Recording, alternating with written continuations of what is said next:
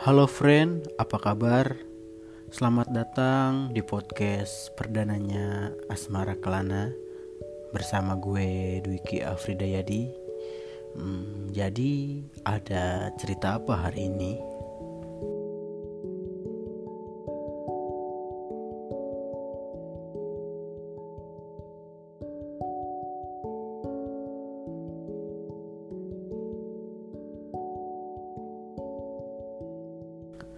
Karena podcast ini masih perdana dan mungkin dari kalian ada yang bertanya-tanya gitu kan sama nama podcast ini. Pedean ya tapi gak apa-apa lah ya. Sesuai namanya di podcast Asmara Kelana ini gue bakal bahas cerita-cerita tentang asmara dan cerita-cerita tentang pengalaman yang gue dan teman-teman alamin Oh ya, sedikit perkenalan dulu kali ya dari gue. Nama gue Dwiki Afridayadi. Sekarang ini gue mahasiswa semester 5 di salah satu kampus di Kota Bogor. Nah, friend, ngomong-ngomong kampus atau sekolahan lah ya bagi yang masih SMA, pasti di kedua tempat itu banyak banget nih momen-momen pertemuan-pertemuan terjadi ya. Baik itu ketemu teman ketemu sama sahabat atau juga dari kalian pasti ada ya sih yang ketemu sama pacar di tempat itu. Nah dari pertemuan-pertemuan itulah yang membawa kita ke pertemanan yang lebih erat lagi. Di dalam pertemuan pasti menghasilkan berbagai cerita yang berbeda di masing-masing individunya. Ada yang menghasilkan kesan yang baik, ada juga yang menghasilkan kesan yang tidak begitu baik. Kalau kesan yang kurang baik ya mungkin kayak jadi males aja kali ya ke depannya buat berteman. Tapi kalau kesan itu baik saat pertemuan pertama, mungkin kebanyakan orang akan terus tetap berteman tapi nih friend ya untuk pertemuan akan berasa memiliki cerita banget kalau kita ketemu sama orang yang kita sukain gak sih? Apalagi kalau kita pertama kali ketemu sama orang yang kita suka. Tapi kenalan awalnya itu kayak lewat media sosial gitu kayak lewat Instagram atau lewat Twitter gitu-gitu nah di pertemuan pertama atau istilah anak muda yang sering diucapin sih kayak first date kali ya. Di first date ini sih gue pribadi kadang deg-degan jujur. Nggak tahu nih kalau kalian semua gimana. Tapi ya di first date ini banyak banget ceritanya. Beneran deh. Mulai dari mikirin harus ngomong apa pas ketemu sama dia harus pakai baju apa dan kadang mau jalan ke mana aja harus dipikirin mau ke mana ke mananya mungkin biar berkesan aja kali ya atau juga supaya kita dapat nilai bagus di mata calon pasangan kita. Tapi ada juga nih, pasti di antara kalian kayaknya yang gak jaim-jaim gitu sih buat ketemu pertama kali sama calon gebetan. Kayak ya udah, kayak mau jalan ke mana juga ayo, nggak usah mikirin topik-topik atau ya udah kayak ngalirnya aja pasti ada aja setiap orang memiliki caranya masing-masing lah ya buat mengawali pertemuan. Selain pertemuan, untuk pertama kalinya pasti pertemuan juga ditunggu nih ya sama kalian semua yang lagi ngejalanin hubungan jarak jauh. Baik sama pasangan maupun sama keluarga yang lagi jauh dari kalian. Memang bener ya friend, yang orang-orang lain sering katakan bahwasanya obat dari rindu ya hanya bertemu. Dari pertemuan itu, kita bisa berbagi cerita dengan orang yang kita sayangi. Setelah pertemuan-pertemuan itu terjadi dengan yang orang kita suka, biasanya sudah ada nih benih-benih cinta. Udah ada yang ngerasa baper satu sama lain. Pasti kalau udah baper bawaannya senang terus gitu gak sih? kayak pengen cepet-cepet weekend buat ketemuan atau enggak pengen chattingan di setiap malam ya dan kalau keduanya udah nggak saling cocok sih bisa lanjut ke tahap pacaran. Andai aja kalau semua percintaan ceritanya kayak gitu pasti mulus banget ya. Jadi mirip novel romance. Tapi kenyataannya ya nggak semulus itu. Cerita saat PDKT juga gak kalah serunya sih sama saat awal-awal pertemuan. Ada yang ngejalanin PDKT-nya lama banget, gak jadian-jadian. Ada yang bertepuk sebelah tangan lah, ada yang kena ghosting lah. Pokoknya pasti banyak banget lah kejadian di setiap orang pas PDKT. Tapi ya, ada sebagian orang yang memfilter banget pas PDKT ada yang nyari pasangan yang harus sesuai banget sama kriteria dia nggak boleh kurang sama sekali ada juga yang kalau udah hopeless mah kayak nerima-nerima aja kali ya sama siapa aja gitu deket. Buat orang yang filter banget tuh kadang hal yang mungkin bisa dibilang sepele aja tetap menjadi acuan untuk menilai. Contohnya gini deh ada yang emang udah suka tapi ketika si cowok tahu gitu selera musik ceweknya berbeda dengan dia atau mungkin kayak aduh enggak deh kayak jadi rada berkurang gitu gak sih?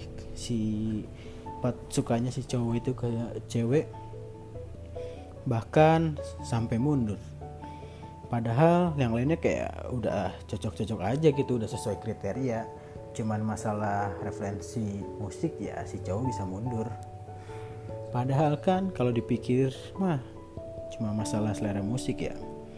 Ya mungkin si cowok berpikiran kalau satu selera musiknya kan bisa nonton konser bareng-bareng gitu kali ya. Itu cuma masalah perbedaan selera musik aja, cowok atau cewek bisa langsung mundur. Dan mungkin kita berbeda referensi itu sebuah kesalahan dalam PDKT mungkin daripada ke depannya makin gak nyambung kan ya mending ya udahlah dikat aja gitu dan cari yang sereferensi dan sesuai kriteria. Ngomong-ngomong ya PDKT gue punya cerita tentang kesalahan saat pertemuan dan PDKT dari temen gue. Jadi gini ceritanya. Awalnya ini temen gue cewek. Sebut aja namanya Vira dia deket sama cowok. Dan mereka berdua ini sering chattingan bareng bahkan sampai video call bareng setiap malamnya gitu kan. Tapi ada yang lucu nih di kedekatan mereka. Mereka deket itu sama sekali nggak pernah ketemu langsung. Jadi kedekatan mereka berdua tuh ya hanya sebatas chatting dan video call. Pira bilang mereka berdua sama-sama berusaha buat mencoba ketemuan tapi gak bisa karena satu dan lain hal mungkin ya. Pokoknya belum sempat ketemu gitulah. Hingga pada akhirnya Vira tahu kalau si cowok ini balikan sama mantannya. Mungkin Pira tahu dari aktivitas sosial medianya kali ya terus dekat dan chattingan hampir intens dan ngerasa sedikit sakit hati wajar lah ya ketika orang yang lagi deketin kita tiba-tiba balikan lagi sama mantannya. Ya itu wajar-wajar aja sih kalau ngerasa sakit hati menurut gue. Dan itu sebagai tindakan salah yang awal buat PDKT tapi ya mau gimana pun kita harus tahu dari sudut pandang yang lain ya atau dari sudut pandang si cowoknya Vira ini yang lagi dideketin. Mungkin si cowok punya alasan tersendiri kali ya kenapa dia buat mutusin balikan sama mantannya. Ya tapi di sini gue memposisikan pada posisi Vira ketika kita sudah berharap sama seseorang yang ternyata orang yang kita harapkan tidak sesuai dengan ekspektasi kita tapi setelah kejadian itu Vira ngerasa ya udah gitu. Dan dia berpikir mungkin cowok ini gak serius buat deketin dia. Dan kayak berpikir ya udah berlalu aja gitu. Sampai akhirnya Pira membuka diri dengan orang baru dan Pira sempat pacaran kurang lebih 8 bulan. Dan pas pacaran dengan orang ini ya dia ngerasa nggak baik-baik aja padahal ya setiap hubungan pun masalah akan tetap ada walau kita udah belajar dari pengalaman sendiri maupun dari pengalaman temen itu masalah ada aja dan datang lagi gitu. Hingga akhirnya Vira putus sama pacarnya dan ngerasa galau lagi. Si cowok yang dulu pernah ninggalin Vira balikan sama mantannya ternyata datang lagi dan ngechat Vira lagi gue nggak tahu sih apa yang ada di pikiran Vira pasti cowok yang pernah deket terus datang lagi. Coba dibayangin sama kalian. Ketika udah berekspektasi ada orang yang bakal nemenin kalian tiap hari bakal ada yang nyemangatin tahu-tahu pergi dan ketika udah berusaha buat buka hati dan jalan sama orang lain dan si cowok itu datang lagi. Hmm. Pira pun gak bisa ngebohongin perasaannya lah ya. Meskipun udah sama orang lain 8 bulan. Dan akhirnya Vira deket lagi. Oh iya. For your information nih jadi ternyata Vira tinggal di Bogor juga. Dan si cowoknya ini orang Bogor tapi dia kuliah di Semarang. Jadi ngerantau gitulah. Dan cowok yang ngedeketin Vira lagi kayaknya udah putus juga sama mantannya. Dan di situ Pira bilang juga ke gue kalau ini cowok nggak bakal ngulangin kesalahan yang sama. Dalam artian tuh nih cowok nggak bakal ngulangin buat ninggalin Pira lagi gitu. Dan karena udah putus dari mantannya makanya dia mau buat deket lagi sama ini cowok. Terus seiring berjalan waktu Pira chat intent lagi sering video call lagi tapi tetap sayangnya belum bisa ketemu karena berbeda kota. Tapi dalam kedekatan itu di satu momen di instastory si cowok ini kayak lagi jalan sama cewek gitu. Tapi nggak dikasih tahu siapa ceweknya. Kayak emang dibuat penasaran gitu. Tapi Pira saat itu berpikir positif dan mikir itu paling ya cuma sama temennya. Sampai akhirnya si cowok ini update foto bareng itu berdua nah lagi-lagi salut banget sih nih sama si Vira nih. Dia tetap berpikir ya paling itu temennya yang udah lama nggak ketemu kali ya. Dia wajar lah kalau foto bareng. Sampai akhirnya Vira ngechat dan ngasih pertanyaan buat nyuruh pilih sama si cowok ini. Dia kayak ngasih pertanyaan sama dia bakal milih orang yang selalu ada atau milih orang yang ada di dekat dia sekarang. Dan si cowok ini ngejawab memilih orang yang selalu ada dan yang ada di dekatnya. Vira di situ langsung pikir dia posisi aja udah jauh gitu kan kalau sama-sama asal Bogor. Dan setelah itu si cowok milih buat cewek yang ada di dekatnya waktu itu. Setelah kejadian itu Vira kayak ya udah gitu menelakannya lagi untuk yang kedua kali dan menjalani kegiatan aktivitas biasa aja gitu. Vira juga nggak ngerasa kesel kayak ya udahlah wajar aja kali ya tengah kalau nggak dia udah kayak legowo aja kali ya. Dan pada akhirnya si cowok ini balik gitu ke Bogor pas liburan tahun baru.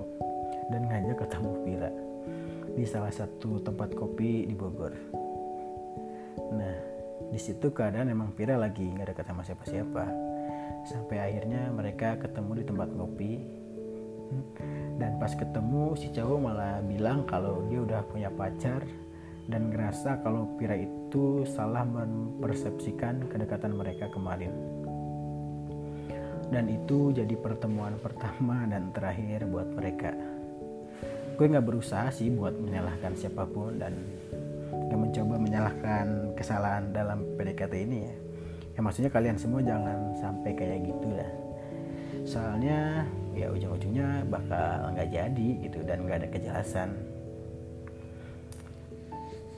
Mungkin itu sih untuk podcast perdana dari Asmara Kelana.